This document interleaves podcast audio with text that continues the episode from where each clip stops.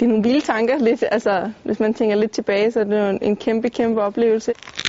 De paralympiske lege i Beijing i 2008 blev det helt store gennembrud for Karoline Cecilie Nielsen, der som 18-årig overraskede alle ved at vinde en bronzemedalje.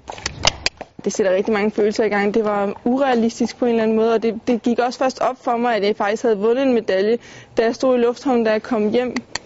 Fire år senere er forventningerne højere og presset større på dressurrytteren, der med sin nye hest Leon skal forsøge at følge op på den fantastiske debut. Det var måske nogle gange lidt nemmere at gøre, fordi du, ikke, du tænkte ikke så meget, du gjorde det bare.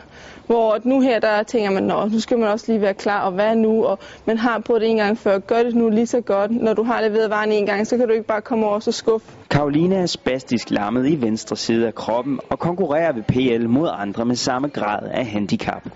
Modstanden er hårdere end for fire år siden, men Karoline er fortsat blandt de bedste i verden.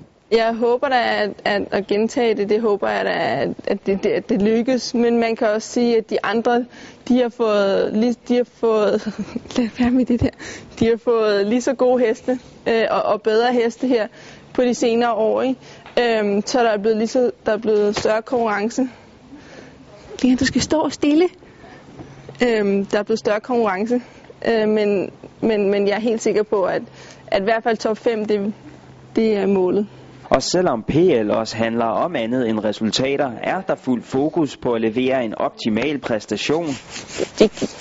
Når Karoline som første dansker skal i aktion i London. Og jeg glæder mig allermest til at ride. Jeg glæder mig allermest til det at vise, at, hvad vi kan. Og, øh, og så at det er, en, det er bare en, en, en kæmpe oplevelse. Altså, det er ikke noget, man, det er ikke noget, man oplever hver dag.